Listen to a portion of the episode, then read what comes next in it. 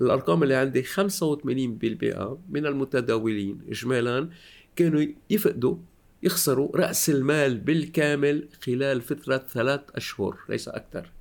يعني ما حدا يقدر آه، يبقى بالسوق موجود أكثر من ثلاث أشهر. يربح بالأول يكسب ويقول لك إيش وما حدا قدي وهذا ولكن بالنهاية يخسر كثير يعني مشان هيك أنا بقول هالشيء هيدا وهالتجارب عملت نوع من تأثير. مشان هيك الرد للشباب والمسج اللي بقوله الرسالة بكل أمانة إنه ما يخافوا من الأمور هيدي. آه، اجمالا الأمور ما بدها كثير هالذكاء المفرط لا الأمور بدها شوية رصانة شوية وعي أكثر يقدروا يشوفوا شو هو هالمنتج يفهموا المنتج الموجود يشوفوا كيف يتحرك هالمنتج. آه، في دورات تدريبية تنعمل وين ما كان بالعالم يعني. هالدورات التدريبية تجي تعلم المستثمرين الجدد أو المضاربين إذا بدهم يشتغلوا مضاربة نعم. أصول المضاربة وبيجي بقول أنا النصيحة المهمة جدا إنه ولا مرة يجي شخص أو فرد إن كان مبتدئ ولا حتى عنده الخبرة يجي حط كل أصوله بمكان واحد يعني تنويع. يعني بدك تيجي تعمل تنويع تنويع نعم. كثير مهم جدا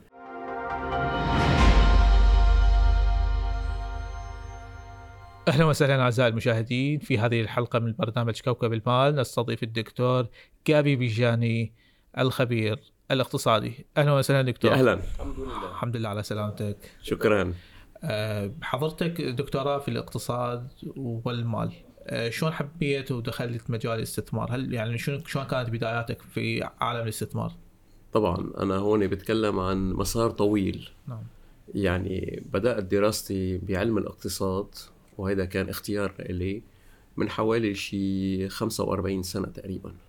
يعني من نعم. خرجت من المدرسة وبدأت حياتي الجامعية بدرس علم الاقتصاد. وطبعا بيدرس اقتصاد بصير عنده اطلاع أكثر وأكثر على الأمور المالية والاستثمارية. تمام. فإذا المسار طويل. ورجعت طبعا اختصيت أكثر وأكثر بعالم المال. ليش؟ لأن كانت آه، سيرتي العملية اشتغلت حوالي 30 سنة بالقطاعات المصرفية والاستثمارية. نعم. تنقلت بعدة بلدان مع عدة مؤسسات آه، معروفة على الصعيد المالي والاقتصادي.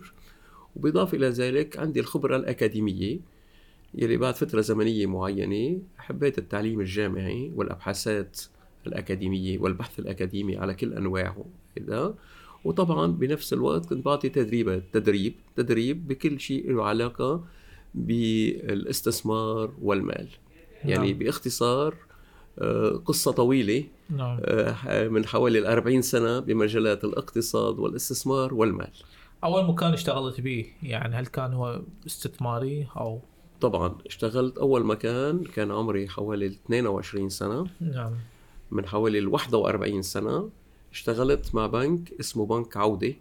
أحد المصارف المعروفة حاليا في لبنان أنا لبناني الأصل وبدأت الشغل معهم بقسم الخزينة يعني كنت متداول نعم. بأسواق المال وسوق نعم. القطع بالضبط بهذا البنك اللبناني العريق انتقلت لفرنسا طبعا للدراسة أو للعمل؟ لا بالبداية كانت الاثنين سوا يعني بعد فترة زمنية معينة كان صار عمري حوالي 30 سنة بعد حوالي شي 8 سنوات من الخبرة المصرفية في بيروت. آه، حاولت واصل ارجع علومي الأكاديمية تطور الأكاديمي ولقيت إنه فرصة أقدر أتسجل بأطروحة دكتوراه في فرنسا. ولكن كان يجب إنه لاقي فرصة عمل والحمد لله المصرف اللي كنت أشتغل فيه عودة سمح لي الفرصة أرجع أشتغل معهم بباريس بفرنسا فاثنين سوا فرحت رجعت اشتغل كفيت مسيرتي المهنية بمصرف عودة بباريس بفرنسا وبنفس الوقت تسجلت أعمل أطروحة دكتوراه بالاقتصاد. نعم الواحد لما يبدي استثماراته آه، هل هو يفضل يستثمر شخصيا أم من خلال صندوق استثماري أو صندوق مؤشرات عفوا؟ أنا من خلال الخبرة اللي مريت فيها بيجي بقول إنه آه، في أشخاص ما عندهم خبرة. نعم. يعني إذا بتيجي بتأخذ شخص طبيب أو مهندس أكيد أنصحه يفوت من خلال آه، صناديق استثمارية. نعم. لأنه مش شغلته. طبيب هو بده يطبب الأشخاص مهندس بده يمكن يعمل أشياء نعم. آه، أبنية وكل شيء. فمش شغلته يقعد يدير أسهم وسندات وعملات وسلع. نعم. في أشخاص بتتخصص لهالشيء هيدا.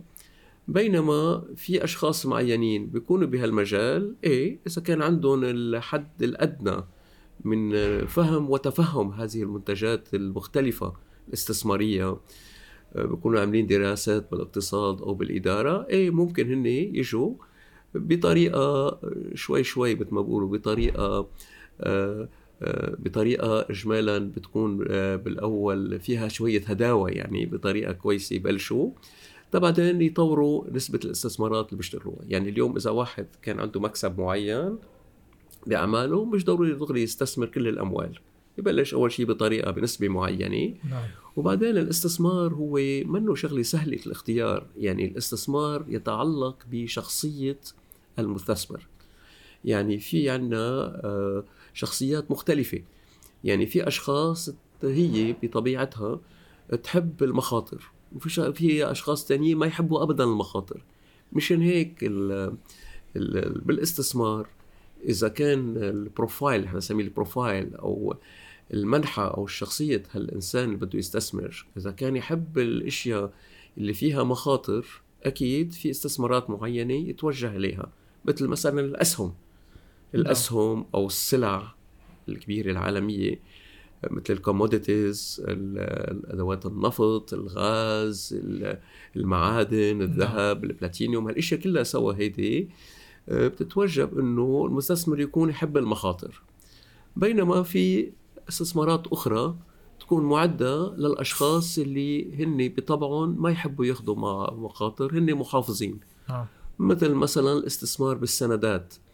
سندات الخزينة سندات الحكومية سندات السيادية الأمور كلها سوا هيدي منتجات آه، آه، عملت خصيصا للأشخاص أو الأفراد يلي هن بيحبوا يستثمروا باستثمار أكيد وخالي من المخاطر الكبيرة. ما رح أقول ما في مخاطر أبدا في مخاطر صغيرة بس ولكن بالإجمال بالإجمال الاستثمارات بهال السندات هي استثمارات مربحة بتكون. فقط سندات؟ هلأ طبعا السندات هي يعتبر إذا بدك الملاذ الآمن. العائد عليها قليل جدا. طبعا. لكن تعتبر هي آمنة. اليوم بالنظرية الاستثمارية بتقول انت أردت عائدا أكبر وأكثر عليك الأخذ الكثير أكثر مخاطرة. يعني نعم. إذا بدك تتجه للمخاطر أكثر ممكن تتأمل بعوائد أكثر. نعم. بس ولكن حسب نسبة المخاطر اللي هيدا هلا مثلا نيجي نحكي عن تكوين محفظة استثمارية لفرد معين. إذا الفرد كان متحفظ هو conservative متحفظ ولكن يحب ياخذ شوية مخاطر في يجي يقول okay أنا بيجي بحط 70% من استثماري بالسندات و30% بالأسهم. نعم. فاذا أكيد رح هالشيء يسمح له ياخذ شوية عوائد أكثر من العوائد لو كانت بس بالسندات بس ما ننسى إنه الاستثمار بالأسهم في شوية خطر ولكن بعض الأوقات آه، مهم جدا تحمل القليل من المخاطر من أجل آه، آه، مثل ما بيقولوا الوصول إلى مكاسب أكبر. المستثمر بالأسهم هل هو يحتاج إلى شنو اللي يحتاجه بالضبط؟ يعني خلينا نقول بشكل واضح هل يحتاج إلى قراءة الميزانيات بشكل جيد؟ أكيد. هل يحتاج إلى متابعة الأخبار؟ هل يحتاج إلى مصادر حتى يقدر يجنب نفس المخاطر اللي تحصل؟ أكيد. في عدة عوامل بتأثر على تطور أسعار الأسهم. أي سهم بأي سوق نعم. موجود في العالم. من هيدي البيانات المالية. الأرقام المحاسبة والأمور هيدي الميزانيات كلها سوا مهمة جدا للشركات. لما عم تستثمر بالأسهم عم تستثمر بشركات عم تشتري سهم شركة معينة. نعم. الشركة عندها المحاسبة عندها أرقامها. تمام. أوكي؟ هيدي شغلة مهمة. في كمان عوامل أخرى بتأثر. من العوامل الأخرى عندك العوامل الاقتصادية أو المكرو اقتصادية. المكرو اقتصادية يعني عوامل متعلقة بالاقتصاد الكلي في بلد معين. يعني إذا جيت أنت لي اليوم آه، بدك تستثمر ببلد معين وهالبلد عم بيعاني الكثير من البطالة والتضخم ومشاكل اقتصادية كبيرة بقول لك لا لو كانت الشركات الموجودة شركات عم تنتج أرباح جيدة أكيد أنا لا أنصحك بشراء أسهم هذه الشركات لأنها موجودة في بلد ما بإقتصاد غير سليم. فإذا العوامل الماكرو اقتصاديه اللي هي الاقتصاد تبع الاقتصاد الكلي مهمة جدا. نعم. فإذا هيدي. بعدين في عنا اجمالا العوامل التقنية. يعني بتعرف اليوم إذا كل العالم تيجي بتطلع بتأخذ العامل ال macroeconomics وبتأخذ العامل المالي يعني العامل المالي المحاسبي والميزانيات وكل شيء تبع الشركات. هذا لا يكفي لأن كل العالم عندها قراءة واحدة في بعض الأوقات كل العالم تيجي بتقول ها ليك الميزانية كويسة المؤسسة الشركة عم تربح كتير أرباحها متصاعدة جدا البلد وضعه زين كل شيء منيح يلا دشينا اشترينا أسهم لا مش ضروري تربح ليش؟ لأن بعض الأوقات في عوامل تقنية بعض الأوقات الأسواق بتكون فيها كمية هائلة من المستثمرين استثمروا توصل لمرحلة صار السعر كتير مرتفع بيرجع سعر السوق شو بيعمل؟ بيعمل نوع من نعم. تصليح كوركشن نعم. نسميها بصير في تصليحات بهذا السوق وبيرجع بيتغير. فإذا بعض الأوقات العوامل التقنية بتجي بتدل أو بتقول للمستثمر المحترف إنه ما يدش بالسوق ما يدخل السوق بأي ساعة. في أوقات معينة في مراقبة معينة للسوق من خلال بيانات رسمية charts بنسميها بتدل للمستثمر متى الساعة المناسبة حتى يدخل هذا السوق ويدش هذا السوق ويستثمر بشركة فلانية أو أخرى. يعني شنو الساعة المثالية تكون؟ يعني شنو البيانات يعني اللي أقدر okay هل هو مثلا أكو أكو بعض الأشخاص يستخدمون الشموع أو يستخدمون هاي زي هذه قصه هذه في هذه جزء منها الشموع نعم. وغيرها وال bars وغيرها وغيرها في كثير أشياء طبعا هيدي بتدل بتعطي indication أول شيء يعني هيدي بسموها technical study أو technical analysis يعني بتجي بتدلك الدراسة التقنية وين السوق كان أكثر شيء في عليه طلب وين صار في عرض وين الأشياء. طبعا من المستحب دائما آه، ليدخل واحد بسوق جديد أو سهم جديد يشتريه يكون بمرحلة الطلب شوي خفيف على هذا السهم. طبعا إذا بتطلع بالرسوم البيانية بتلاقي واضحة. نعم. وهالشيء هذا إجمالا ببين بعض الأوقات من خلال التفاعل مع أحداث معينة. يعني أعطيك مثل على ذلك. إجت شركة كبيرة عالميا خلينا نشوف مثلا شركة أبل نعم. بأمريكا من أكبر شركات العالم شركة أبل دايما من عدة سنوات عم بتطلع طرازات جديدة دايما من التليفون الآيفون من ايفون 5 ل 10 ل 12 ل 15 حاليا والكل عم بيكون ناجح طيب تنفترض شركة أبل طلعت طراز معين فشل. ما كان كثير فشل شو بيصير؟ إيه. هل يا ترى نهاية الشركة؟ لا, لا. ساعتها بتعمل حركة تصحيحية كبيرة السهم بينزل يمكن 10 15% بتكون فرصة للمستثمرين الجدد يدشوا بهذا لأنه أكيد حكما شو حتعمل الشركة؟ عريقة كبير. تعمل؟ طراز جديد يكون ما في عيوب مثل عيوب الطراز اللي الأخر. يعني هيدي مثلا example ممكن يكون. أكيد هيك أشياء بتصير. بعض الأوقات في كثير شركات آه، معود الجمهور إنه على طول على أرباح آه، فيها continuity يعني أرباح متواصلة دائما طيب آه، بعض الأوقات بنجي بصير دائما في دراسات من قبل من قبل المصارف الاستثمارية الكبيرة بالعالم بتجي بتعمل دراسات وتحاليل على كل شركة مدرجة بالأسواق المالية. بنجي بناخذ شركة معينة خذ شركة مايكروسوفت مثلا. بيجي بيقولوا الدراسات إنه نتوقع كل فصل اجمالا كل فصل كل نهاية ثلاث اشهر تجي مايكروسوفت آه، بتصدر شو ارقامها الأرباح والأرقام المالية كلها سوا. آه، دائما في توقعات بيجوا بيقولوا نحن نتوقع إنه شركة مايكروسوفت تعطينا الأرقام التالية. طيب مش معناتها خسرانة عم تربح بس نعم. بتقول بدي ما أربح بدي أربح هالمرة خلينا نقول مبلغ قيمته 100 okay. بتجي النتيجة بتربح مايكروسوفت 99 مش 100 شو بتكون ال reaction ردة الفعل بالسوق؟ انخفاض. نعم. فاذا هيدي فرصة لشراء مايكروسوفت. يعني عم بعطيك أمثال تقريبا عملية. كمواطن أو كشخص شلون أقدر يعني أعرف إنه هذا القيمة الادنى للسهم حتى أقدر أدخل للسوق. رح أقول لك شغلة آه، القيمة الادنى اجمالا صعب تحديدها. يعني يمكن أنا أشتري انخفض اعتبرت إنه هاي القيمة الادنى اشتريت بعد أيام نزل. أحسنت سؤال جيد. اللي بيجي بقول لك إياه أنا اليوم آه من الناحية العملية سوق السهم هو القيمة السوقية. يعني السوق نعم. اللي عم السعر اللي عم نشوفه بالسوق. بيجي بحكي سهم فلاني لشركة سعره 100 دينار أو 100 دولار. طيب هذا السعر السعر اليوم هو سعر السوق. يمكن باكر يكون السعر أو 99 أو 101 نعم. فيتغير دائما تمام. طيب مقابل هذا في عندك السعر السهم حسب المحاسبة. حسب بسموها بالإنجليزي ال book value.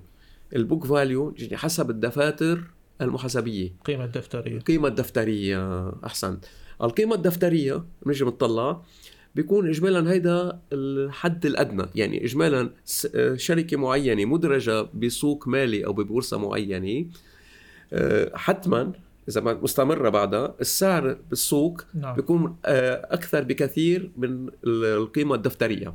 تمام. إذا شخص مراقب وشاف إنه نزلت أسهمها لمستوى قريب من السوق من القيمة الدفترية. أكيد هيدي انديكيشن يعني هيدا مؤشر جيد إنه تشتريها لأنه مش حتنخفض أك... أكثر من هالمستوى. هيدي نعم. مثلا إذا بدك بطريقة أكاديمية نشوف. بس اجمالا بطريقة عملية ما بنوصل لهون. يعني بيجي بيقول لك شركات معظمها بالعالم القيمة الدفترية اجمالا لا تتعدى آه، 25 أو 30 أو 40% من قيمة السوق. يعني إذا سهم سعره اليوم 100 دولار مش حنتظر تصير سعره 40 أو 30 دولار هنشتريه. نعم. بينزل التصحيح اجمالا آه، 10 15% بينزل من سعر من القيمة الموجودة. أكيد نسبة لنكسة معينة لهذه الشركة. كثير نكسات بتصير. يعني شركات بيطلع لها شخص عم بدير الشركة آه، منه كفو عمل مشاكل. آه، جذرية بالشركة. أكيد هيدي بتأثر 10% من هبوط بأسهم الشركة مثلا. بس هيدي شو؟ خلال أسبوع بعينه شخص تاني عنده كفاءه بترجع بيطلع على السهم. يعني نعم دائما في فرص بال- بالأسهم لإعادة تكوين المحفظة أو شراء الأسهم من جديد. يعني مشان هيك هل هل الاحداث هذه هي اللي بتعطي اجمالا الحركة الكبيرة في الأسواق؟ مشان هيك بتطلع على أي سوق بورصة عالمي. سوق نيويورك آه، بتأخذ أي الول ستريت مثلا بتاخذ سوق البورصة الأوروبية بشكل عام البورصه اليابانية أي بورصة بالعالم بتجي بتلاقي حركة كتير ضخمة. ليش؟ لأنه دائما في فرص. يعني هالحركة هي نتيجة تواجد الفرص ال opportunities يعني دائما في فرص معينة. والفرص كيف تجي؟ لأنه في خلل بمكان ما تصحيح أو سوء آه، أداء أو شيء معين بخلي السهم ينخفض وتكون شركة جيدة. أكيد المستثمر ناطر بعد الأوقات زي الصياد اللي بينطر الطريدة بضل يمكن ساعة ساعتين ناطر طريدة تا يقدر يصطادها مش هيك؟ فالعملية الاستثمار بدها صبر بدها نعم. صبر ما بدها تدهور مشان هيك بنميز نحن دائما بين شيء اسمه استثمار وشيء اسمه مضاربة نعم ما بعرف إذا ش- هيدا يعني الاستثمار بده صبر بده وقت بينما المضاربة ممكن نعمل مضاربة بالأسهم أو أي شيء بدك إياه بس المضاربه بدها بحث عليها. يعني ما ب... ما بدها كثير التحليل الكبير والعميق. بنشوف سعر معين انخفض أكيد بدي اشتريه وطلع ارتفع كثير بنبيعه عرفت كيف؟ اليوم في كثير ناس اجمالا بعدة بورصات بالعالم شغلتهم المضاربة بشكل كثير Aggressive. يعني بشكل كتير قوي. يعني بيضاربوا بشكل مخيف. يعني مثلا بعطيك من الناحية التقنية. في أشخاص مثلا بالبورصة الأمريكية بال Wall Street موجودين نعم. اسمهم scalpers اجمالا أنا بخبرتي بنيويورك بفترة من الفترات كنت أشتغل معهم يعني وشفتهم. هول الأشخاص موجودين. ما بيعطوا أهمية ابدا لشيء اسمه البيانات الاقتصادية أو المالية للشركات. هول بيجوا بس بيشتغلوا مضاربة. كيف يعني؟ نعم. يعني بيجوا بيقعدوا بيشوفوا سهم. ما فارقه معهم شو القطاع وهيدا. بيشوفوا سهم. ارتفع بشكل كتير سريع. بيبيعوه بينتظروا اجمالا كانوا آه، ثلاث جلسات. يعني اجمالا معروفة بالافرج بمعدل عام. أي سهم بيرتفع أو بينخفض كتير. إذا ارتفع كتير اجمالا ثلاثة session جلسة اثنين ثلاثة الرابعه بيرجع يصلح. وإذا انخفض كتير وما في إفلاس للشركة بعد ثلاث جلسات الرابعه بيرجع بيصلح. فبيجوا بينتصروا بينتظروا هال هالتطور السعر بهذا السهم إذا ارتفع كتير شو بيعملوا؟ بيبيعوه وإذا انخفض كتير بيشتروا. فإذا هول بيعملوا شيء اسمه المضاربة 100% يعني بيضاربوا بدون ما يشوفوا يعطوا أهمية للبيانات الاقتصادية والمالية. يعني بدول يحققون أعلى من المؤشر؟ إيه أكيد. هول بيحققوا أرباح كتير آه، كبيرة. ليش؟ لأنه آه، بعض الأوقات تيجي بتاخذ أنت سهم. أنت مستثمر. عملت استثمار على مدة سنة. نعم. تجي بتقول اشتريت السهم من سنة بسعر 100 دولار صار سعره الحين 107 دولار. كنا عامل قديش 7% بينما إذا بيجيك فرص مثل هيدي بفرصة واحدة يمكن تعمل 2 3 4% بخلال جلسة واحدة مشان هيك هالجلسات إجمالا فيها فرص كبيرة. آه يعني إجمالا عاملين شيء اسمه آه حط فاصل أو ليميت بسموها بقول التسمية بالتقنية limits up limits down اجمالا بمجمل البورصات الأمريكية أو العالمية عندك لأي سهم limits up على 5% limits down على 3% شو يعني ال limits up و limits down يعني اجمالا إذا كان في سهم شركة وفي طلب كتير كبير عليه إذا عمل وصل على 5% زيادة السعر الحالي شو يعمل؟ يوقفوا السوق. نعم. وإذا انخفض تحت ال 500 يوقفوا السوق. نعم. فمشان هيك هول سكالبرز هول يستفيدوا من هيك ظروف يمكن تعمل 5% بنهار واحد. نعم. إيه؟ بس ليش خلوها القاعدة؟ هلأ هون في كتير إذا بدك إذا بدك تغيرت يعني عم بحكي أنا حاليا اجمالا القاعدة تغيرت على مر الزمن. آه، بوقت من الأوقات صار في قيود أكثر اجمالا من بعد الأزمة الاقتصادية الكبيرة 2008 2009 نعم. رجع صار في ضوابط على السوق وحطوا أكثر لأنه قبلها بفترات يعني عم بحكي أنا مرحلة التسعينات اجمالا كنت متداول بالتسعينات وشوف وكانت النهضة المالية الكبيرة اجمالا على صعيد البورصات بالعالم وخاصة بالأسواق الأمريكية. كنا نجي بأسواق تتجه باتجاه واحد وهو الارتفاع والصعود إلى ما لا نهاية. يعني كنت تجي تسأل متداولين بنيويورك كنت بنيويورك موجود أنا ذاك ببداية التسعينات. آه، نسألهم نقول لهم طيب وين؟ شو النهاية؟ قلنا the only limit the sky يعني ال limit الوحيدة هي السماء. يعني حيضل في ارتفاعات بدون أي نهاية. بحكيك شيء أنا اختبرته يعني بظروف معينة. مشان هيك أنا بيجي بقول إنه أنصح اليوم إذا شخص مبتدئ ما يروح نحو المضاربة يجرب يعمل استثمار بشيء بسيط بالأول. إذا تجربته لأنه هو بيعمل استثمار حيجي يتعلم أكثر حيثقف حاله أكثر يعني بتيجي اليوم شخص بدأ حياته المهنية عمره 25 30 35 بلش يطلع شوية فلوس على جنب.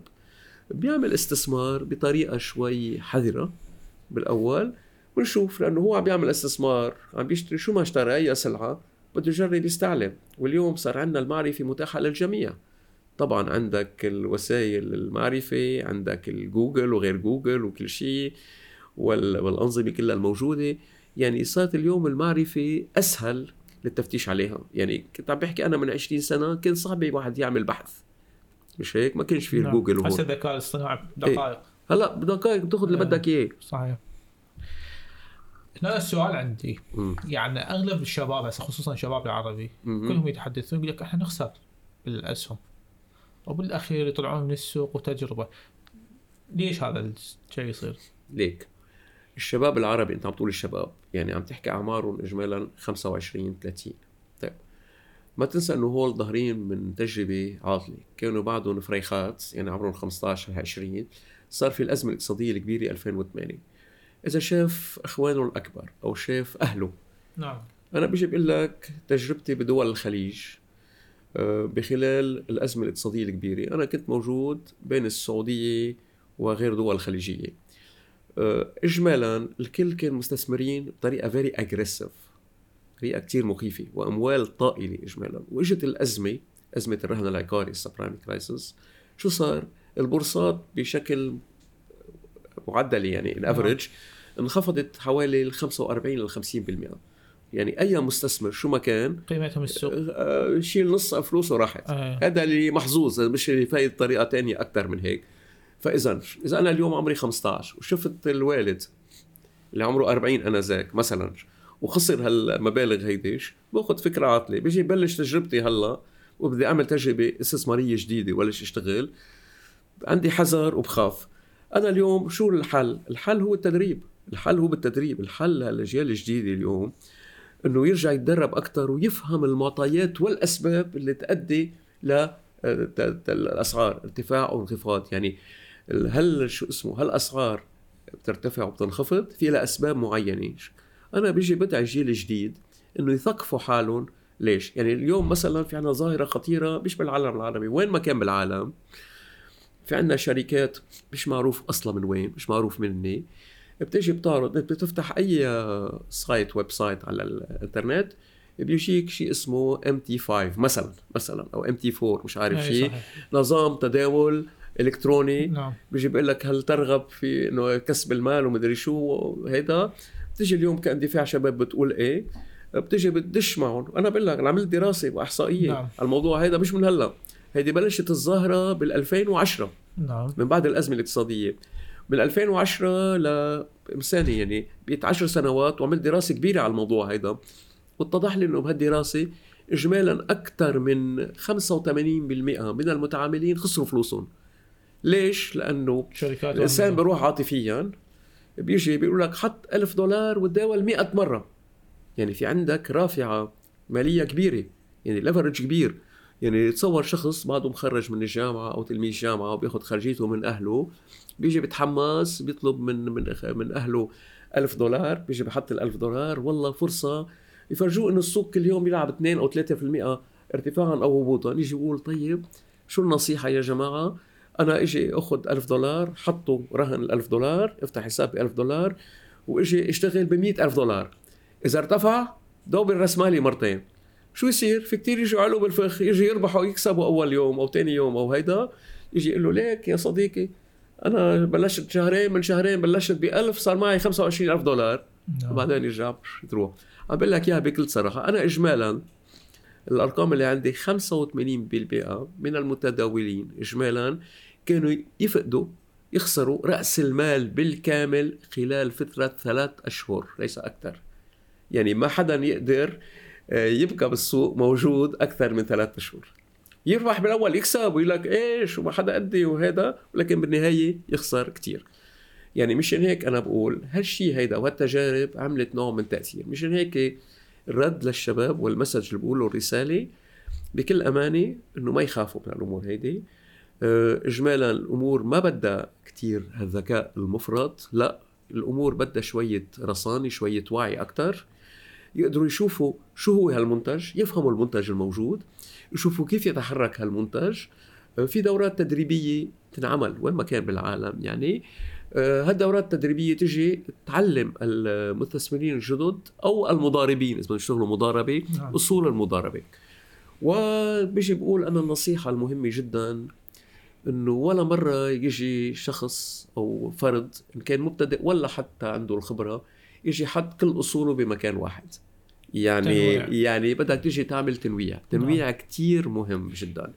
يعني بيجي اليوم أنا شاب بأول عمري عمري 30 سنة بيجي معي مثلا 10000 دولار بشكل بسيط. ما يجي اشتغلها كلها speculation مع بنظام معين. لا يجي يقول لا باخذ 5000 بشتري فيهم بحطهم بصندوق استثماري في ضمان معين والخمسة الباقيين يمكن مخاطر فيهم. إيه إذا كنت شوي aggressive بس بيجي بحط العشرة بمخاطرة بيروحوا العشرة وعليكم السلام.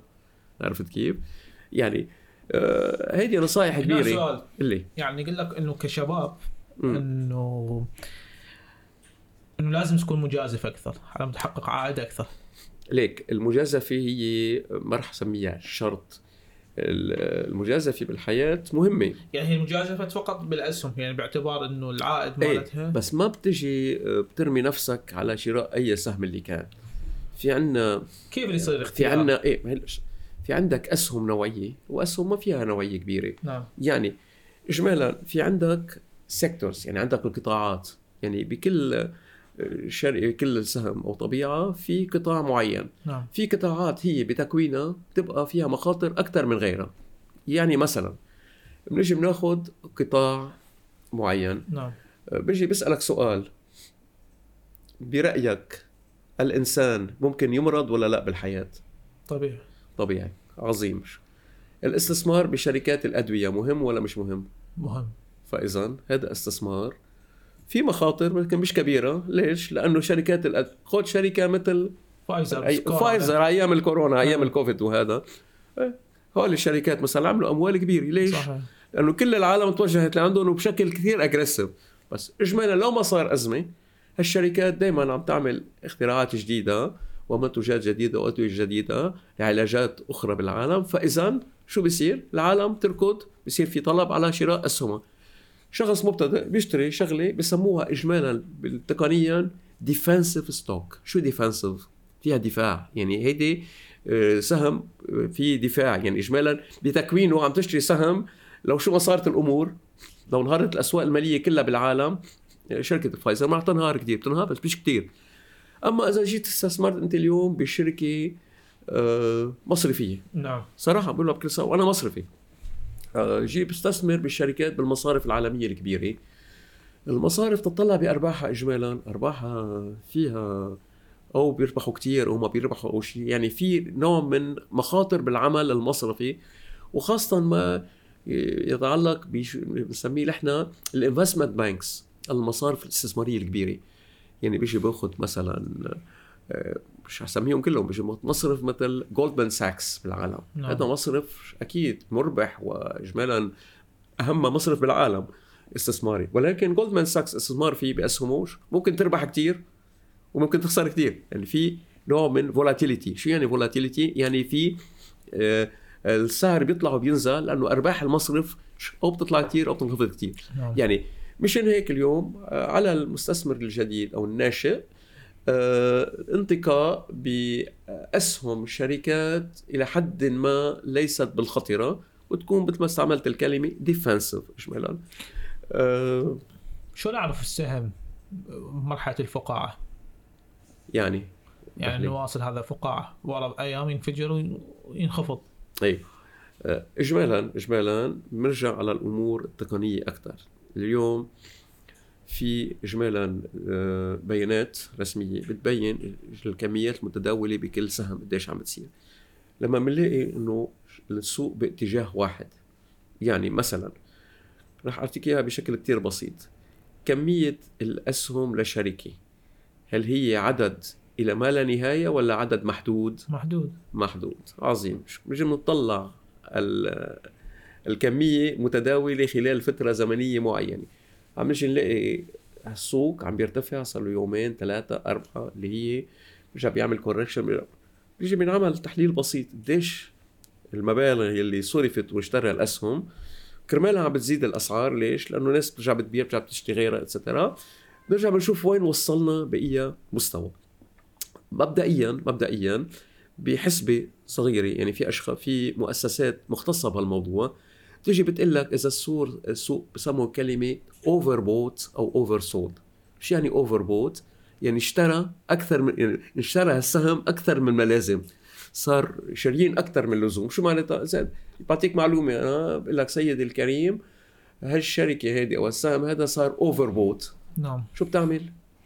بتكفي شراءه لا دغري شو بتعمل؟ بتركض على السريع بتبيعه. إذا قلت لك هيدا oversold شو يعني؟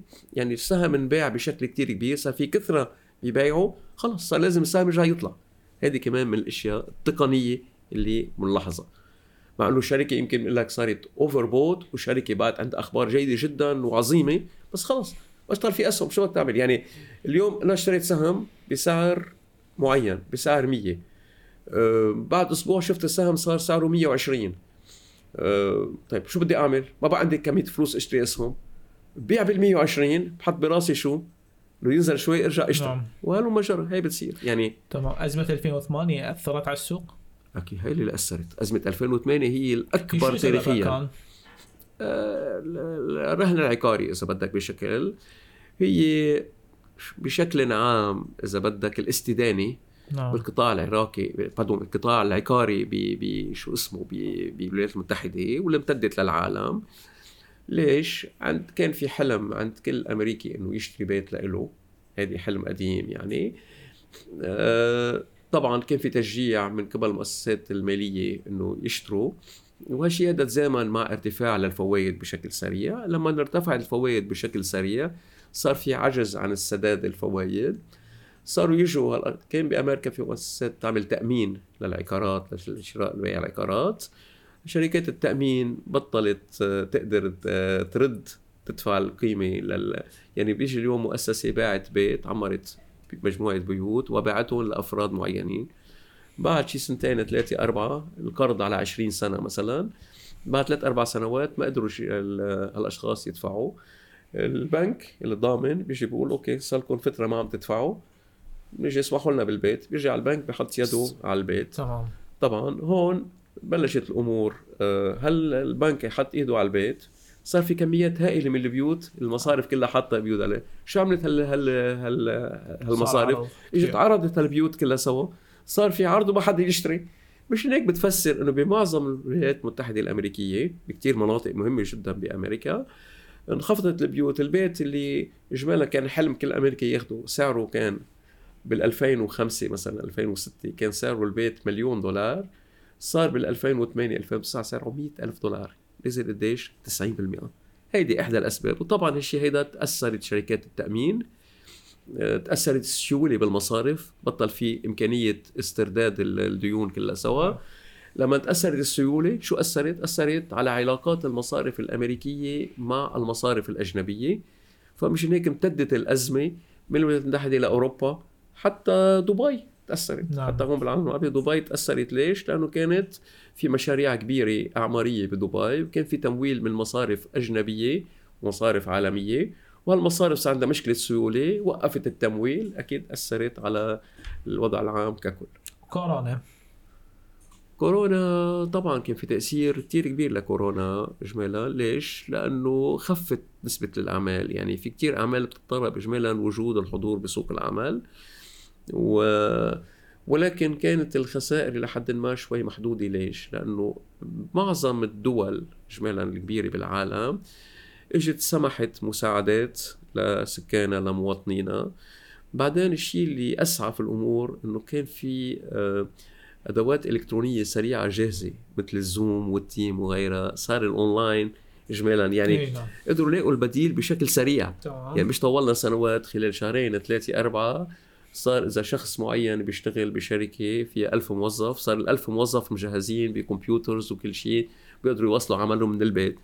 أكيد يكون موجود بي بي بالعمل بالمكتب أحسن بس ولكن حد ما مشيت الأمور. فمشان هيك كانت إذا بدك ال damage أو المخ... المخ... السيئات كانت شوي محدودة بكورونا. بس شو عملت؟ في كتير أشخاص فادت أعمالها ما فيها تشتغل الكترونيا. وما فيها تروح بعد تختلط بأشخاص تانية. فانجبرت تكون بالبطالة كتر البطالة شوي. هون في كتير دول إجت عطت مساعدات اجتماعية. فإذا شو أثرت على آه، البادجت أو الميزانيات الدول؟ أثرت إنه صار في عندهم آه، مصروف كبير. الشيء أدى إلى عجز بالموازنات الدول اللي بتعملها اجمالا. وهالشيء هيدا أدى بالنهاية لزياده تضخم.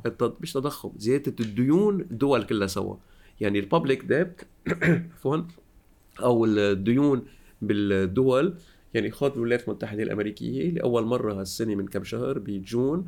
كنا عم نحكي إنه تخطينا ال 125% بالديون الأمريكية الرسمية من الناتج القومي. مثلا عندك بدول أوروبية اجمالا كان في حدود 60% 90% هلأ رفعوا السقف لل 120% معظم الدول الأوروبية صارت مدينة فوق ال 100% من الناتج, الناتج القومي والناتج المحلي.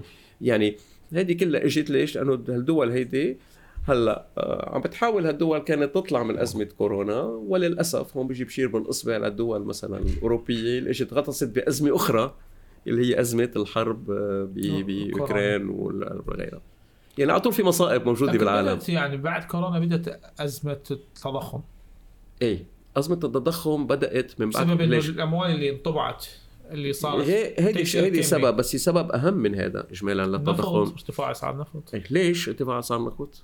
لأنه الحرب الروسيه صح أحسنت. فاذا اللي صار اجمالا إنه يا دوب تطلع العالم من أزمة كبيرة هي الكورونا مش هيك الكوفيد. وفجأة بشباط شهر 2 2022 فجأة نفاجأ جميعا بحرب جديدة نعم. بأوروبا بقلب أوروبا. طبعا هون أثرت على الإنتاجات النفطية. أول شيء أثرت على المسارات النفطية بين عدة دول بأوروبا وغيرها. صار الإجباري نشوف غير مصادر بأوروبا مثلا مثل ألمانيا فرنسا وغيرها وكل شيء. شو عملوا؟ أدت هالشيء هيدا إلى ارتفاع أسعار النفط. ارتفاع أسعار النفط في دول كثيره اجمالا بيؤدي لارتفاع الأسعار بشكل عام. يعني بدك تقول لي اليوم بدولة معينة لو ما لها علاقة بالحرب رفعت أسعار النفط؟ أكيد. كل شيء بتعملوا الأعمال بده ترانسبورتيشن بده نقل. نعم. يعني صار إذا بدك تشتري خبزة بقول لك الفران المحروقات علي سعرها صارت نعم. الخبزة سعرها أغلى. عفوا. بقى هيدي الأمور كلها سوا أثرت والتضخم أه لحديت هلا نحن بشهر 11 أو يعني نحن هلا بأواخر شهر 11 2023 أه بعد ما إلى حلول جذرية الحلول اللي اعتمدت بالوقت الحاضر هي أنه ارتفاع سعر الفوائد. رفعنا سعر الفوائد بشكل كتير كبير. سحب الكتلة النقدية. يعني من حوالي الصفر بأوروبا من حوالي الواحد واحد ونص بأمريكا. صرنا بأوروبا للأربعة أربعة ونص. صرنا بأمريكا من خمسة وربع خمسة ونص إجمالا. آه طبعا أثر على سوق السندات عالميا. السندات انخفضت. آه يعني ليش تنخفض؟ بشكل عام السندات تنخفض. ليش؟ لأنه يصير في آه ناس شارين سندات يبيعوها. ليش يبيعوها؟ راح أجي أقول لك بكل صراحة. اليوم لما أسعار الفوائد آه، ترتفع آه، شو يصير اجمالا؟ الفوائد يصير كلفة المال أغلى. نعم. عرفت كيف؟ كلفة المال أغلى. يعني يلي آه، موظف فلوسه بالسندات مثلا بيجي أنا شاري سند أمريكي مثلا من شي ثلاث سنوات أو سنتين. كانت الفايدة ماشية واحد واحد وربع. آه، شاري بيعطيني 2% عائد. ال yield 2% أو 2.5% بيجي بلاقي الفائده 5.5 فائده 5.5 شو بعمل؟ أو 5 وربع. شو بعمل؟ لشو بعمل liquidation ببيع السند وبشتري شو؟ بخلي فلوسي بحطهم ببنك عادي بيعطيني أكثر. هيدي هيدي مثل صغير. يعني ما ترتفع الفائدة مالته؟ من سنة خلينا ناخذ من سنة كانت الفوائد بعدها بأمريكا 1.5 2% نعم. اجى مستثمر معين اشترى سند. تمام. سند أمريكي سند خزينة أمريكي. السند بيسمح للشخص 2% عائد مثلا. عم بيجي مثل هذا 2% عائد. نعم. بعد بشهر شهرين ثلاثة بدأت ارتفاع الفوائد بأمريكا بشكل سريع جدا. طيب صار بخلال كم شهر البنك المركزي الأمريكي رفع الفائده صارت بال 5% نعم مش هيك؟ طيب بيجي أنا كمستثمر قديش عم بحصل؟ 2% إذا أنا فيني شوية ذكاء شو بعمل؟ بروح ببيع السند وشو بعمل؟ بحولها بالمصرف بحفظ فلوسي بالمصرف نفس الشيء نعم. لما بتصير العملية هيدي شو بتصير؟ كميات عروض هائلة إيه؟ لا لا أقصد إنه الحكومة الأمريكية أو البنك ليش ما رفع أيضا السند؟ لا ما هي هيدي عملية متعلقة ببعضها مش نعم. يعني ما مش هن بيدوا بإيدهم. هن ليش رفعوا الفايدة بأمريكا؟ تقول لك بكل صراحة. رح أشرح لك إياها من بالاساس بفايدة مستوى الفايدة ال interest rate اجمالا في شيء اسمه nominal وشيء اسمه real ال nominal يعني الفائدة الإسمية. أوكي؟ نعم. وفي الفائدة الفعلية. نعم. الفائدة الإسمية اجمالا لما بنيجي بأمريكا بنلاقي الفائدة الاسمية كانت حساب 2% بأمريكا. بنيجي بنلاقي التضخم قديش صار؟ 5% مثلا. خسارة نعم. فإذا أنت اليوم كشخص عندك دولار أمريكي وين ما كان بالعالم شو بتعمل؟ تجي عندك 100 دولار عندك التضخم قديش؟ 5% يعني اللي كنت تشتري ب 100 صرت تشتري ب 105 زين؟ نعم. okay. تجي بتحط هال 100 بالبنك بيعطيك قديش؟ 2 يعني انت خسران 3% اي صحيح صح ولا لا؟ نعم. التجربه مش ظابطه okay شو بتعمل السلطات النقدية الأمريكية؟ بتزيد لك الفائدة تصير عندك real interest rate positive تصير عندك فائدة فعلية إيجابية شو عملوا؟ اشتغلوا عدة منتجات لما رفعوا الفايدة صار التضخم ينخفض شوي شوي هلأ مثلا الحين اليوم آه، الفايدة بأمريكا صارت خمسة خمسة ونص بين الخمسة صوب خمسة بالمئة كل ما يقل التضخم بيصير تباطؤ بال أكيد. بالبطالة بالأعمار. لما بيكتر التضخم اجمالا؟ نعم. انت رفعت الفايدة. رح يصير بطالة. شو بيصير اجمالا؟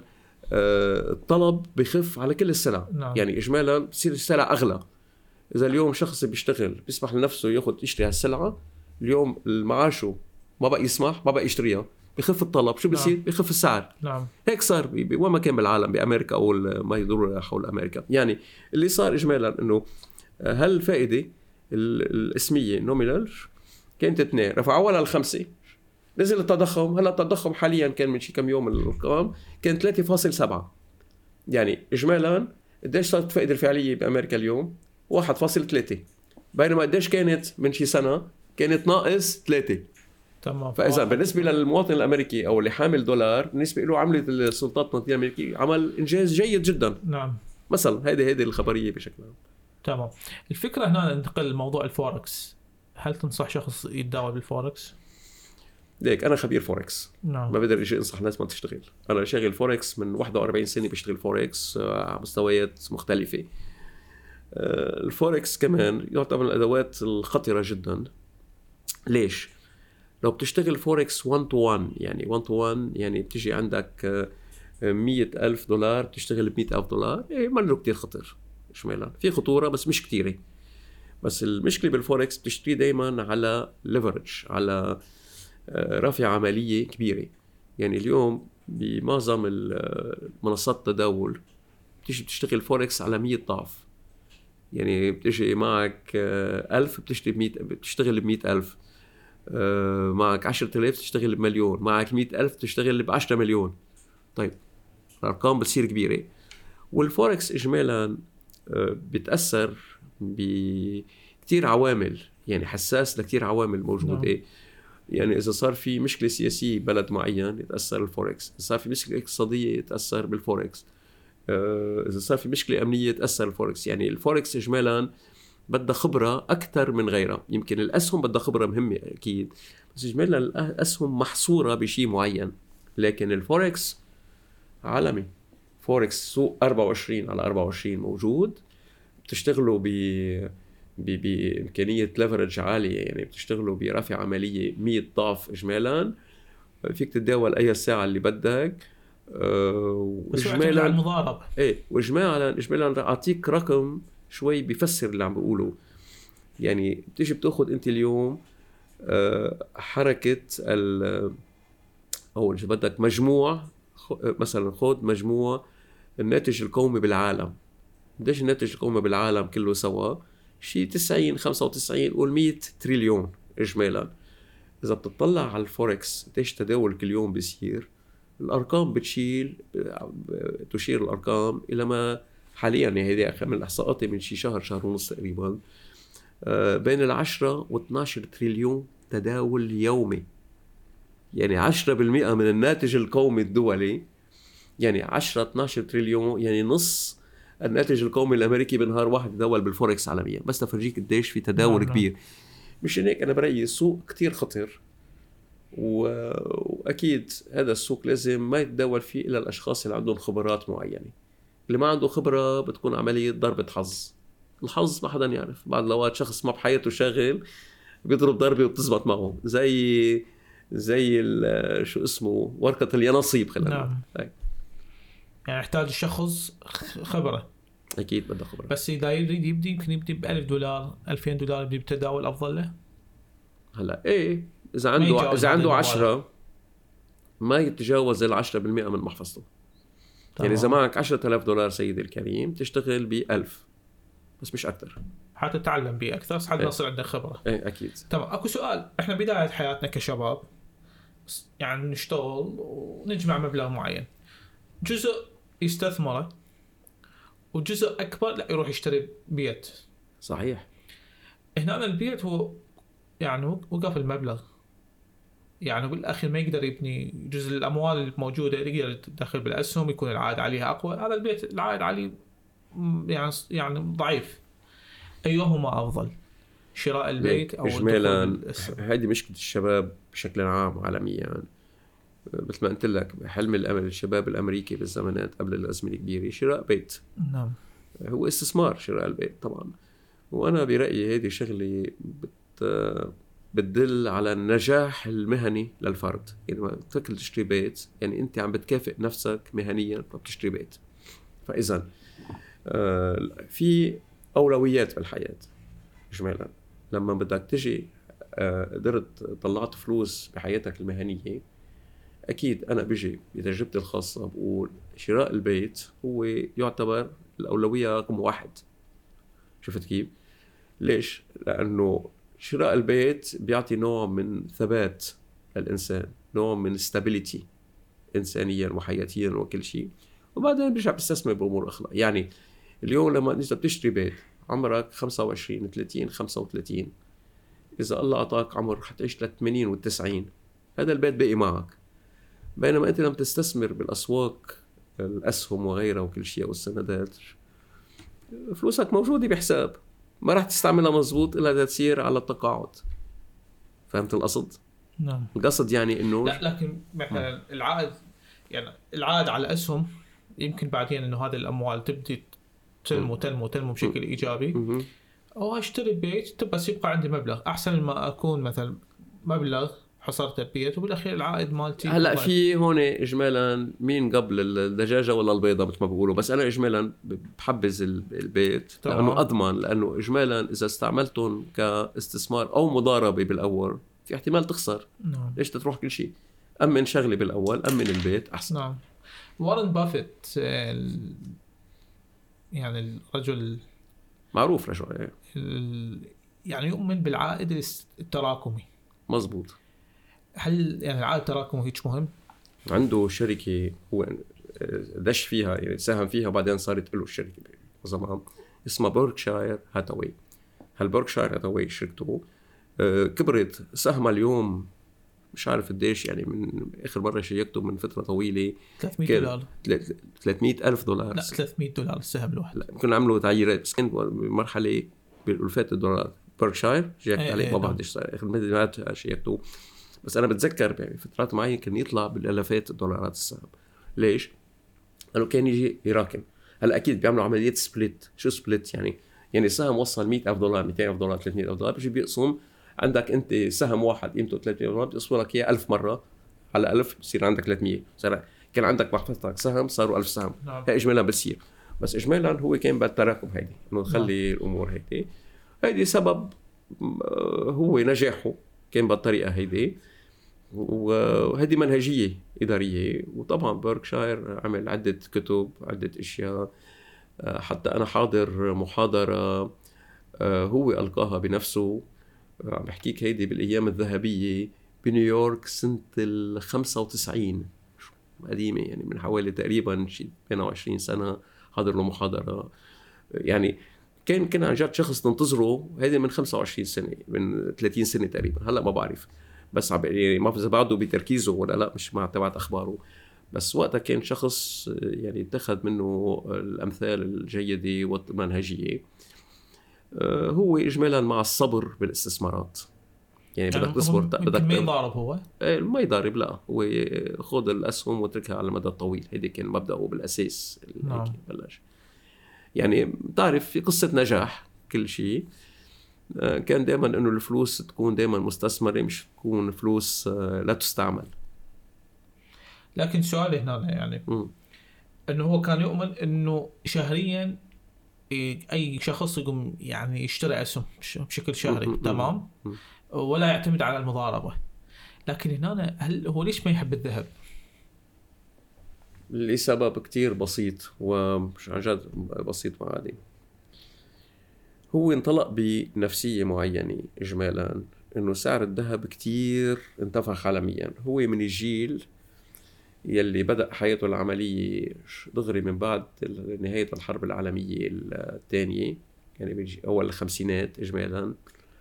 والناس اللي بدأوا أعمالهم الاستثمارية من بعد الخمسين من بعد الحرب العالمية الثانية يعني بين ال 45 وال 70 1945 1970 إجمالا كانت مرحلة في أهمية كبيرة للذهب. يعني نعم. كان الدولار يلي هو تحدد كعملة عالمية.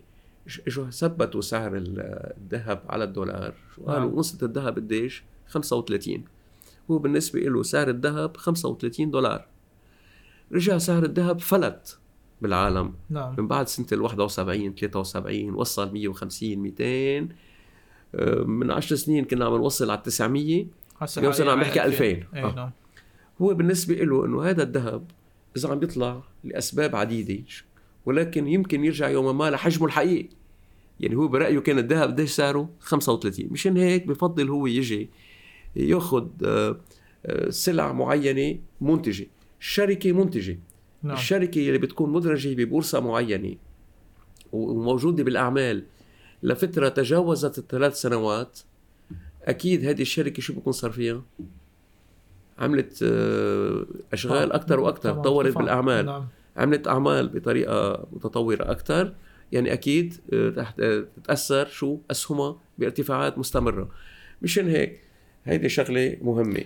نعم. فهو بهمه الأشياء المنتجة مش الأشياء اللي لكن الذهب حسب الاقتصاديين هو حافظ للقيمة لمواجهة التضخم.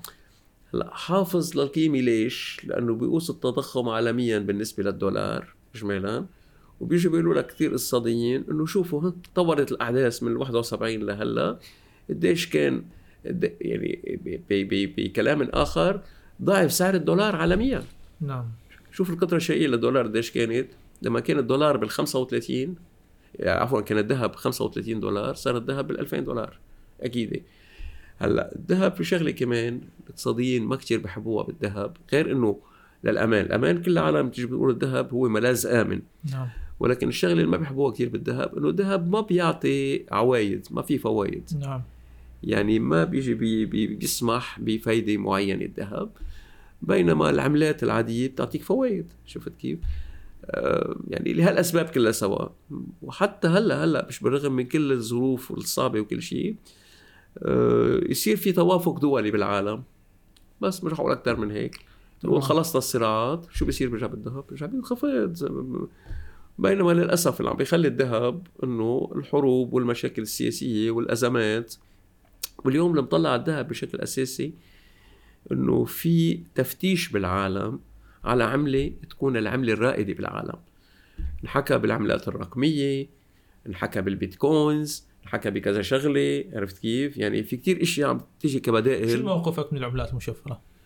العملات المشفرة ما إلها أساس أنا برأيي يعني أنا كنت من القائلين مش من هلأ من عشر سنوات وقت بدأت أسمع فيها تقريبا من 8 سنوات 10 سنوات إيه 2013 14 15 أه بعدة مناسبات جيت أعطيت آرائي فيها إنه أنا لا أثق ليش؟ ما لو ارتفعت أسعارها نعم. سمعت أنه ما بترتفع لأنه ما إلها أساس يعني بيجي اليوم أنا مثل ما تفضلنا بأول حديثنا بتيجي بتقول لي شو رأيك بشركة مايكروسوفت؟ بقول لك okay عندها بيانات بقراها شغل معين في شيء ملموس. نعم. هذا مش معروف على شو مش معروف مين فيه. يمكن حدا مهندس أو تقني كتير شاطر عامل نظام بغش العالم كلها وبيرتفع وما في شيء مزبوط يعني مثل واحد عفوا لكن شركات يعني مثل فيسبوك أبل بدأت تدخل.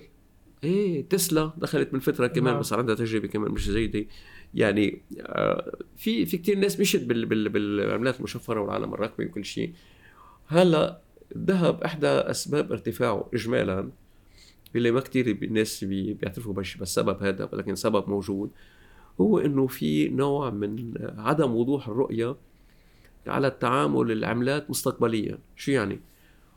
يعني بتقلي اليوم آه، صارت أزمة يوكرين وروسيا وكل شيء. okay كانوا الروس يتعاملوا باليورو. صار عندهم عداوة مع أوروبا وقفوا اليورو.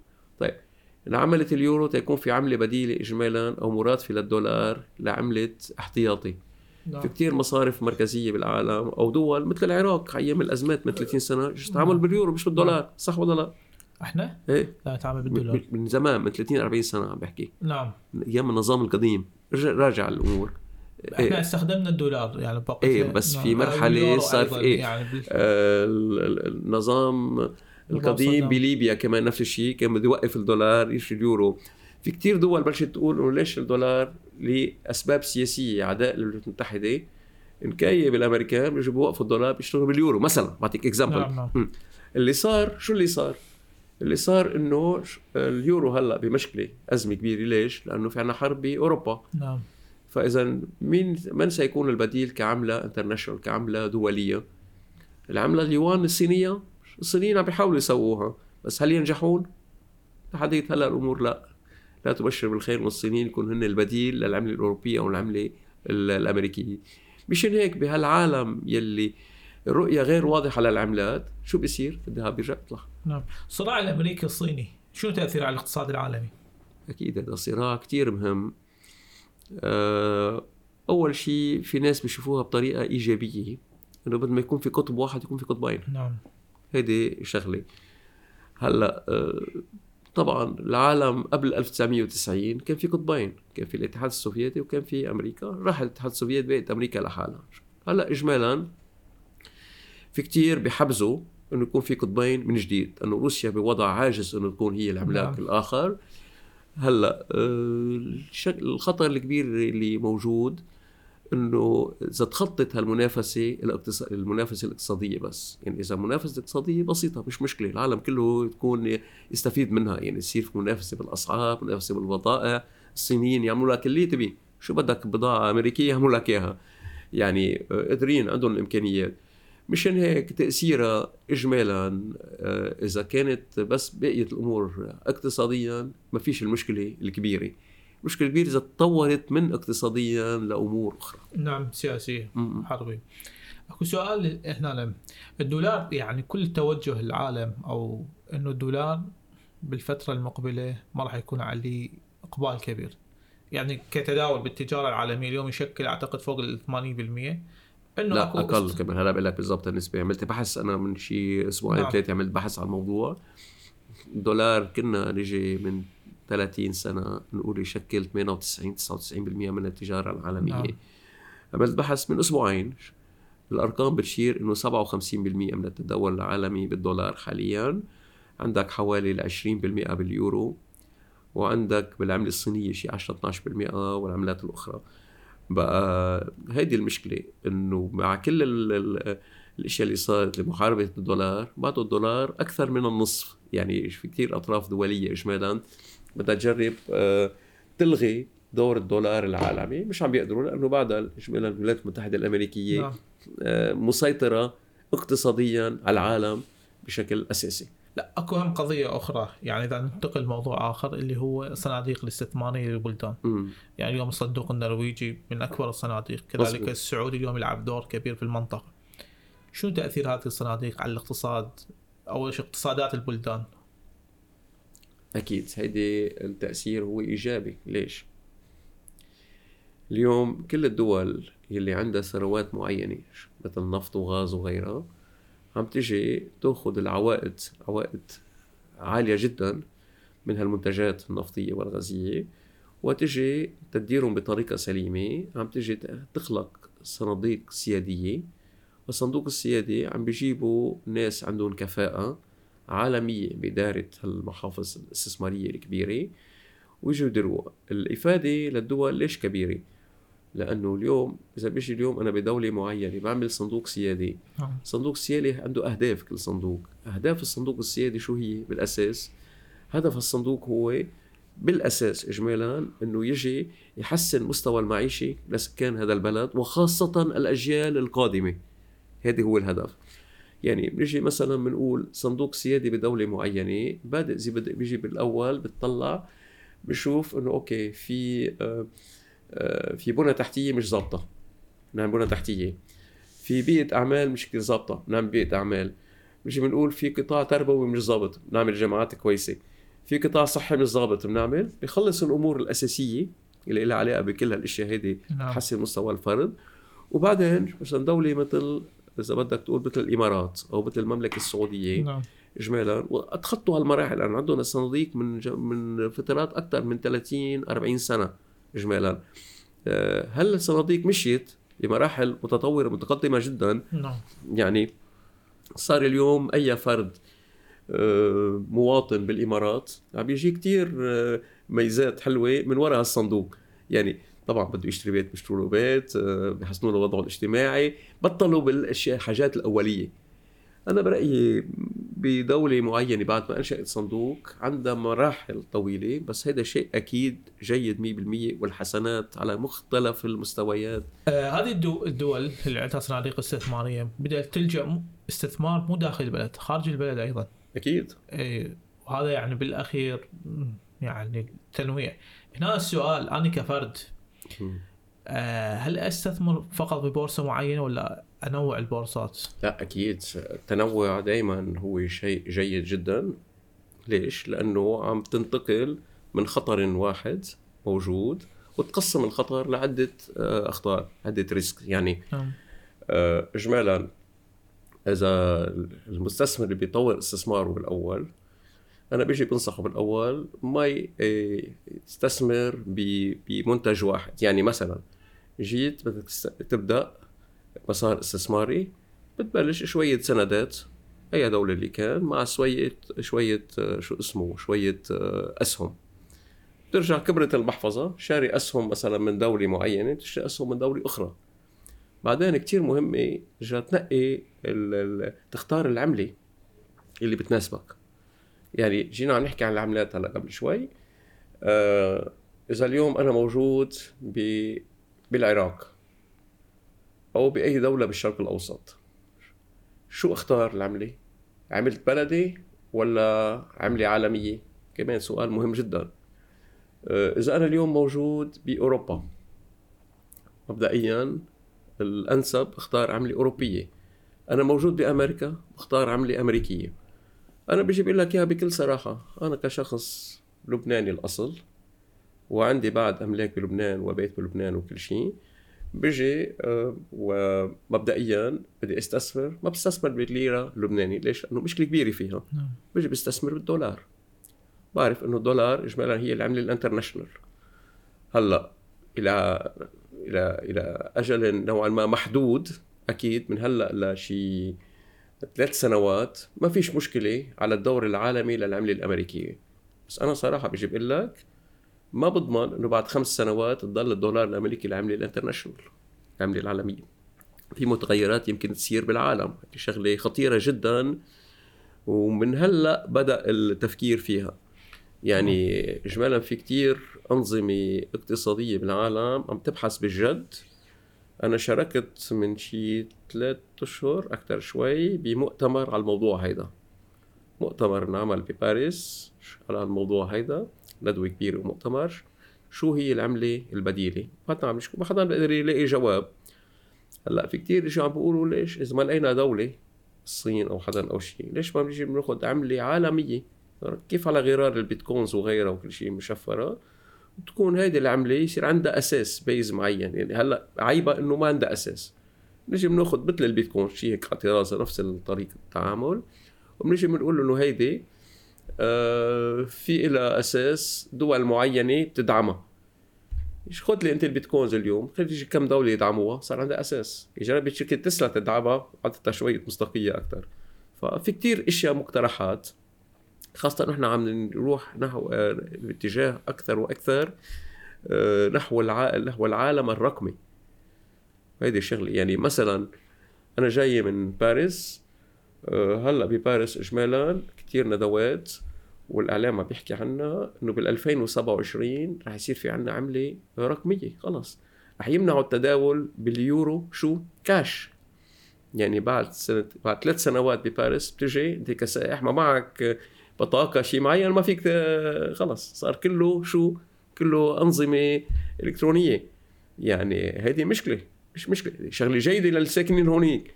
بس الشخص اللي جاي من الخارج بشوف بده يكيف نفسه يكون عنده البطاقة أو الأشياء الأدوات اللازمه يقدر آه، يتفاعل مع مجتمع معين.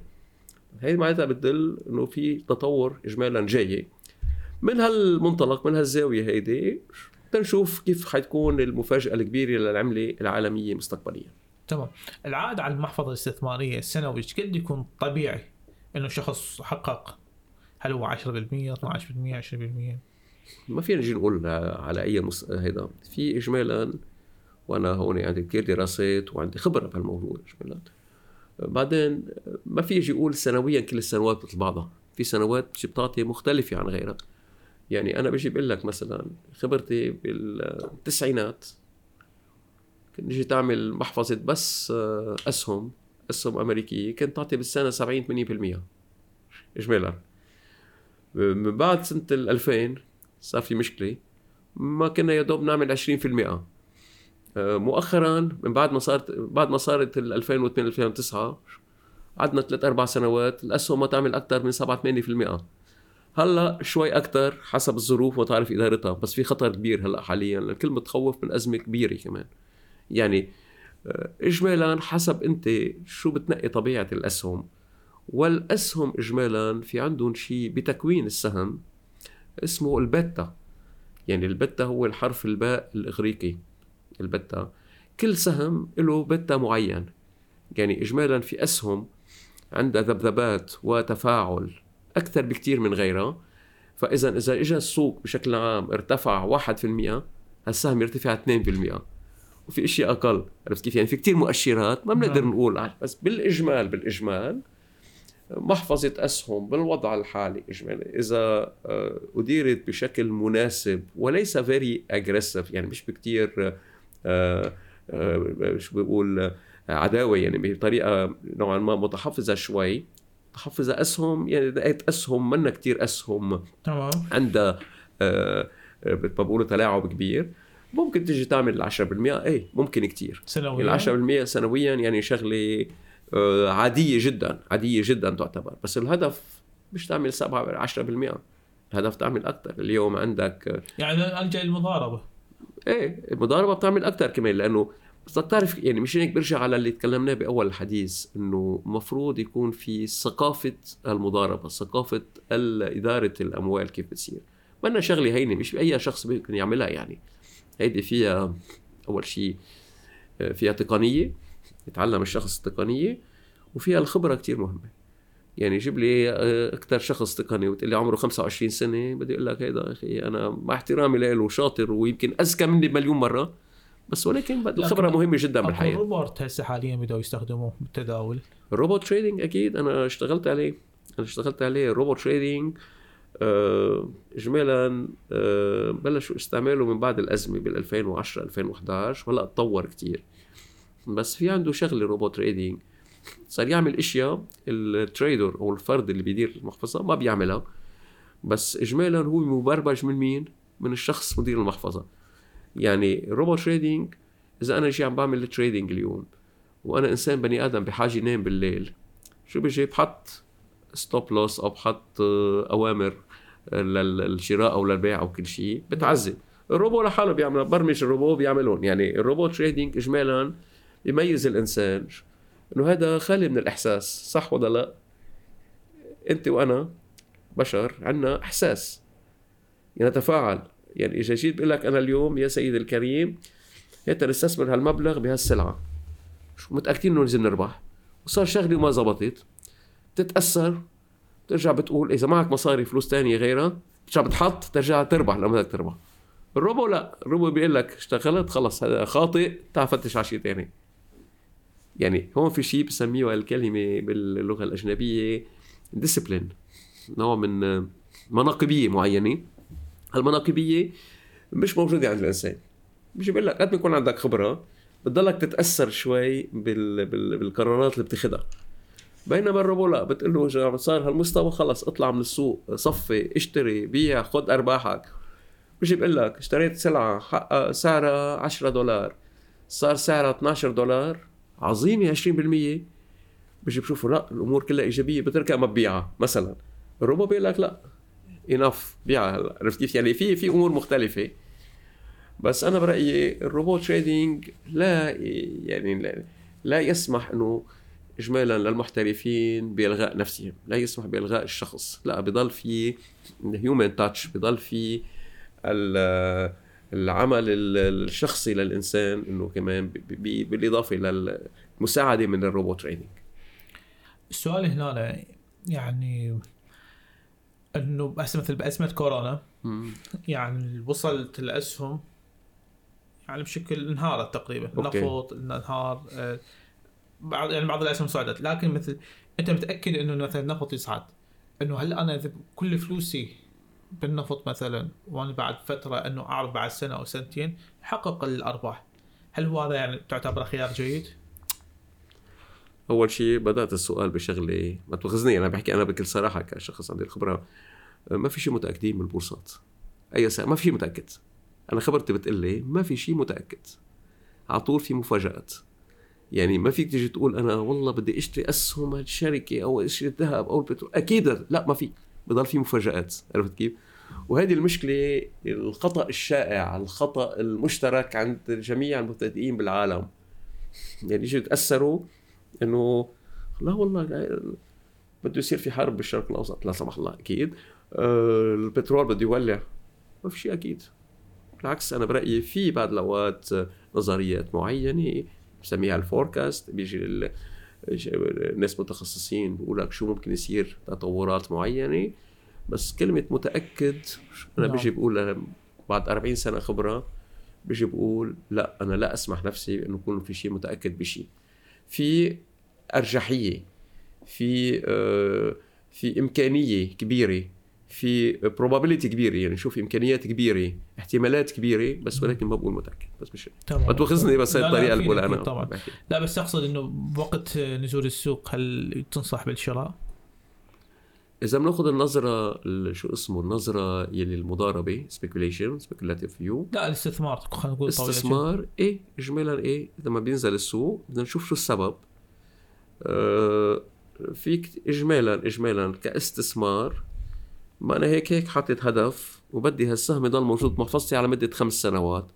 انخفض شوي أكيد بشتري هيدي بشكل عام. إلا إذا في سبب جوهري يعني أرقام الشركة مش ظابطة ممكن الشركة تفلس ما بيشتريها. ما بغمض عيوني وبشتري السهم. بتطلع أول شيء على الأرقام المالية بالشركة آه، البيانات الشركة. هل الشركة بوضع سليم ولا لا؟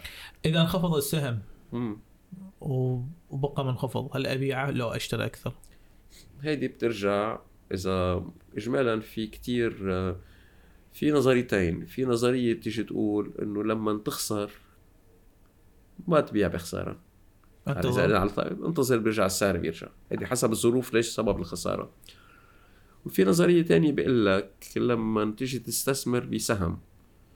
والسهم انخفض أكثر من 25 أو 30% من سعره اشتريته خلاص هذا ما في منه نوى ما في منه خير بيعه وبيع أبوه. كل واحد بيقول شيء يعني. إذا أشتري الكلفه علي تقل مو تمام؟ بعدين أنتظر يصعد أبيع. إيه في هيدي هيدي صارت أمور تقنية بتسالني إياها. أمور نعم. تقنية بترجع لكل شخص كيف هو تكوين شخصيته نعم. والأمور. بعدين ما فينا نجي نقرر هيك بالمطلق. بدك تيجي تقول حسب قدرتك المالية. يعني إذا أنا عندي قدرة مالية كبيرة غير ما يكون عندي قدرة محدودة. نعم. التحكم يكون. يعني شيء أعطيني اليوم مثلا ما بعرف أعطيني 10 مليون دولار وعندي محفظة بمليون دولار. آه ما فرق معي شو ما صار برجع بضلني. نعم. بس عندي بس محفظة ما بعرف محدودة. عندي محفظة خمسين ألف دولار. عم بشتغل فيها كلها سوا أو أشتغل ب 30 أكيد قدرتي مش كثيره بدي يكون كثير حذر وتفكر أكثر نعم. سؤال ننتقل محور آخر. شنو اسباب سبب أزمة لبنان؟ أوه موضوع لبنان موضوع كتير كبير. إذا بدك بطريقة كتير فيها اختصار يعني شو الأشياء. أه سبب أزمة لبنان إذا بدنا نلطفها بشكل لطيف جدا نعم. سوء إدارة. هي بدنا نلطفها. إذا بدنا نعلي العيار شوي بنقول سوء إدارة وفساد. بدي سواء بدي أقولها بطريقة أوضح. بدي أقول سوء إدارة وفساد وجهل. هلا بدك تقول لي كيف؟ بوضح لك إياها. نعم.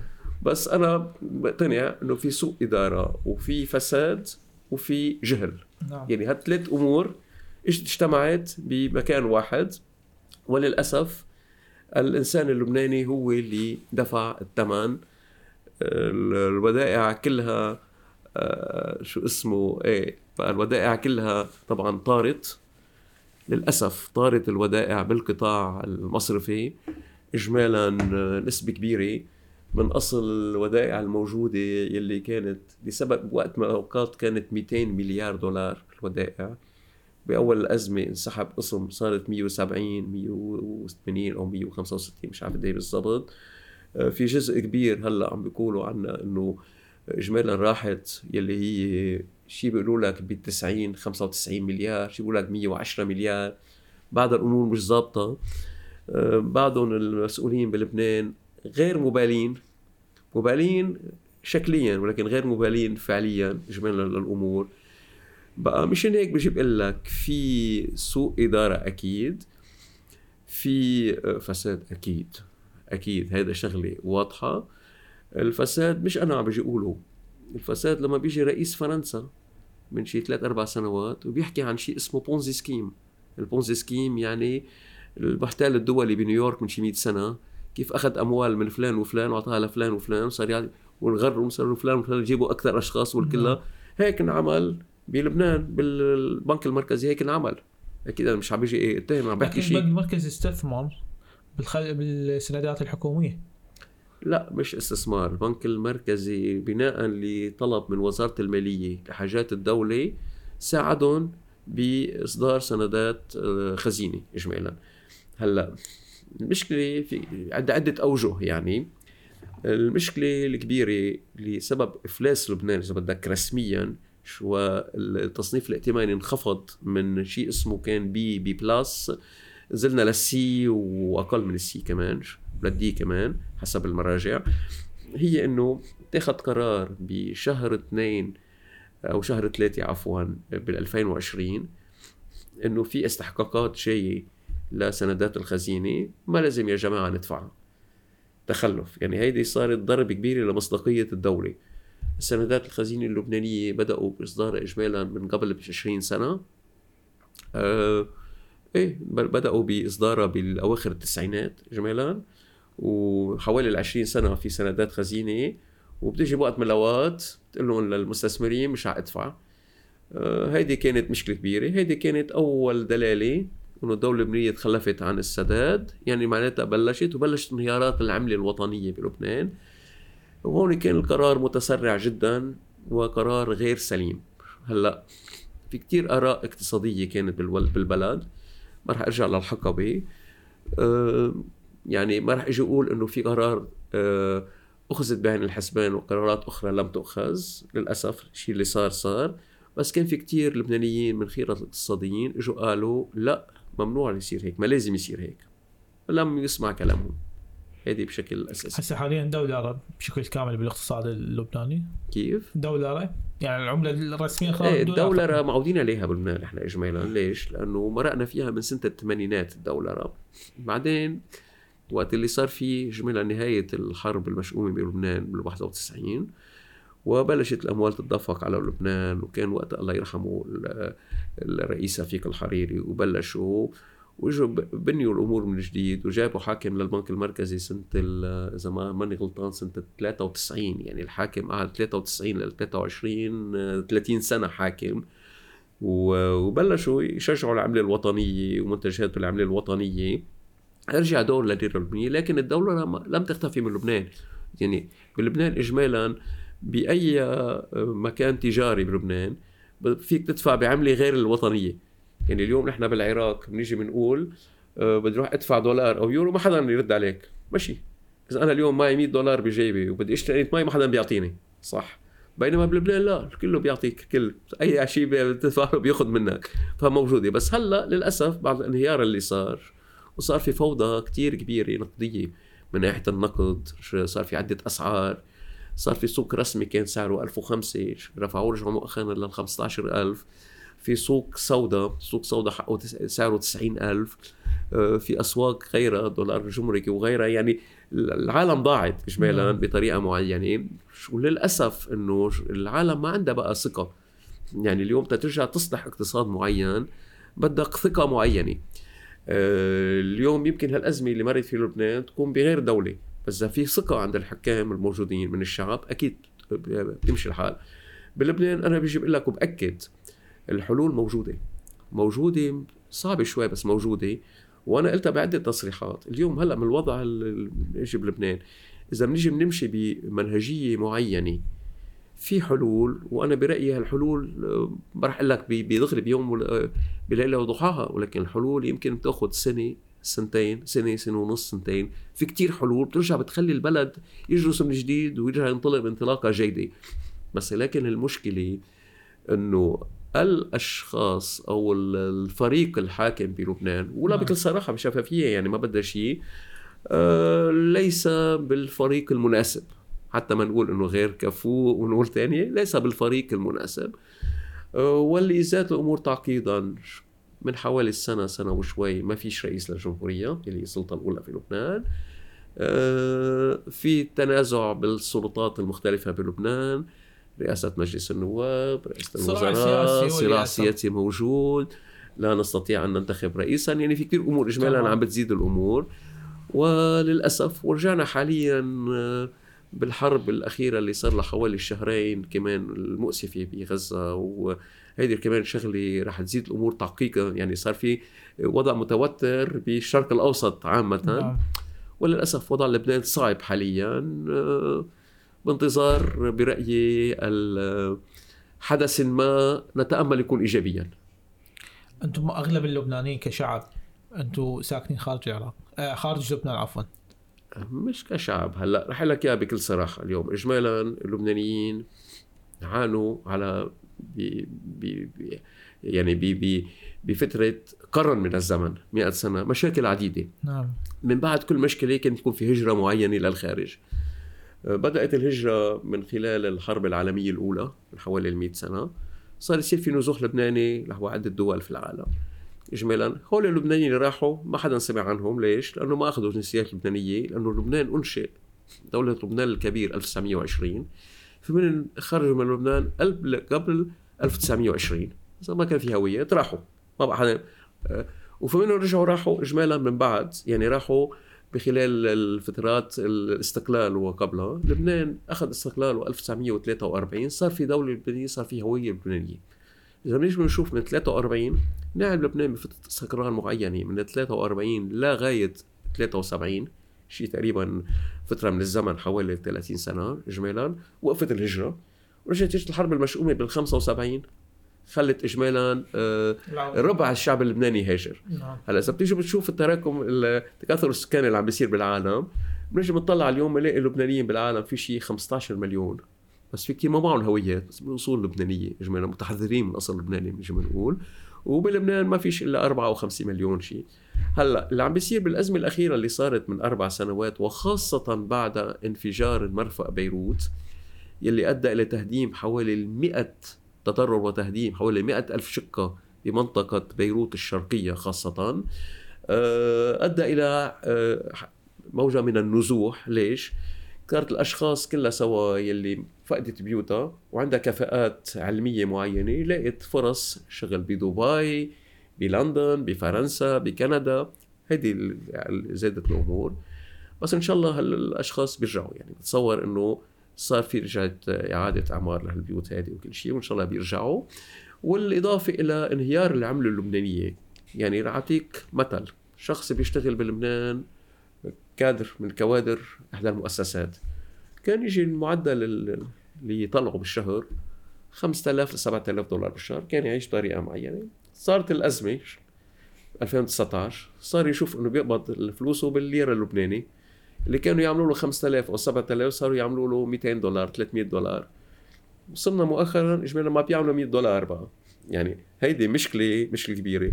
شو بده يعمل هذا؟ إذا عنده شهادة جامعية وبيقدر يحكي لغات أجنبية بيتواصل مع حدا اليوم سهلة وبيسافر هيدي كمان كانت سبب بنزوح العديد من الأشخاص. على أمل إنه الأوضاع ترجع تتظبط كلها سوا. ومشان هيك بقول لك في حلول ممكن بس ولكن تطبق الحلول أو تشتغل على حلول معينة وترجع تعد تعيد لبنان لعافيته. بدك نظام حاكم. أنا بيجي بقول الكلمة بكل صراحة بدك نظام مستبد وعادل. كيف مستبد؟ حتستغرب. بدك نظام حازم لا يتساهل مع أي من الأمور. يكون هالنظام عادل بطريقة معينة. يعني ليش مستبد؟ لأنه اليوم عندك نسبة فساد كثير كبيرة بالبلد. طيب؟ بدك نظام يجرؤ يقول أنت يا جابي أنت فاسد. لا حد يجرؤ يقولها. يعني اليوم موجودين. يعني بطريقة كتير سهلة. ما بحاجة نعمل طروحة رياضيات نعم. تنعرف مين الفاسد. معروفين كلها سوا العملية. واضحة. بدك مستبد. وعادل يجي يقول أنت شخص. والمشكلة إنه النظام الحكم اجمالا آه، بيحاول العقاب من أشخاص مختلفين آرائهم سياسية يعني إذا اجى طرف معين سياسي حكم لبنان فعندك رأيين رأيين كبار بالبلد.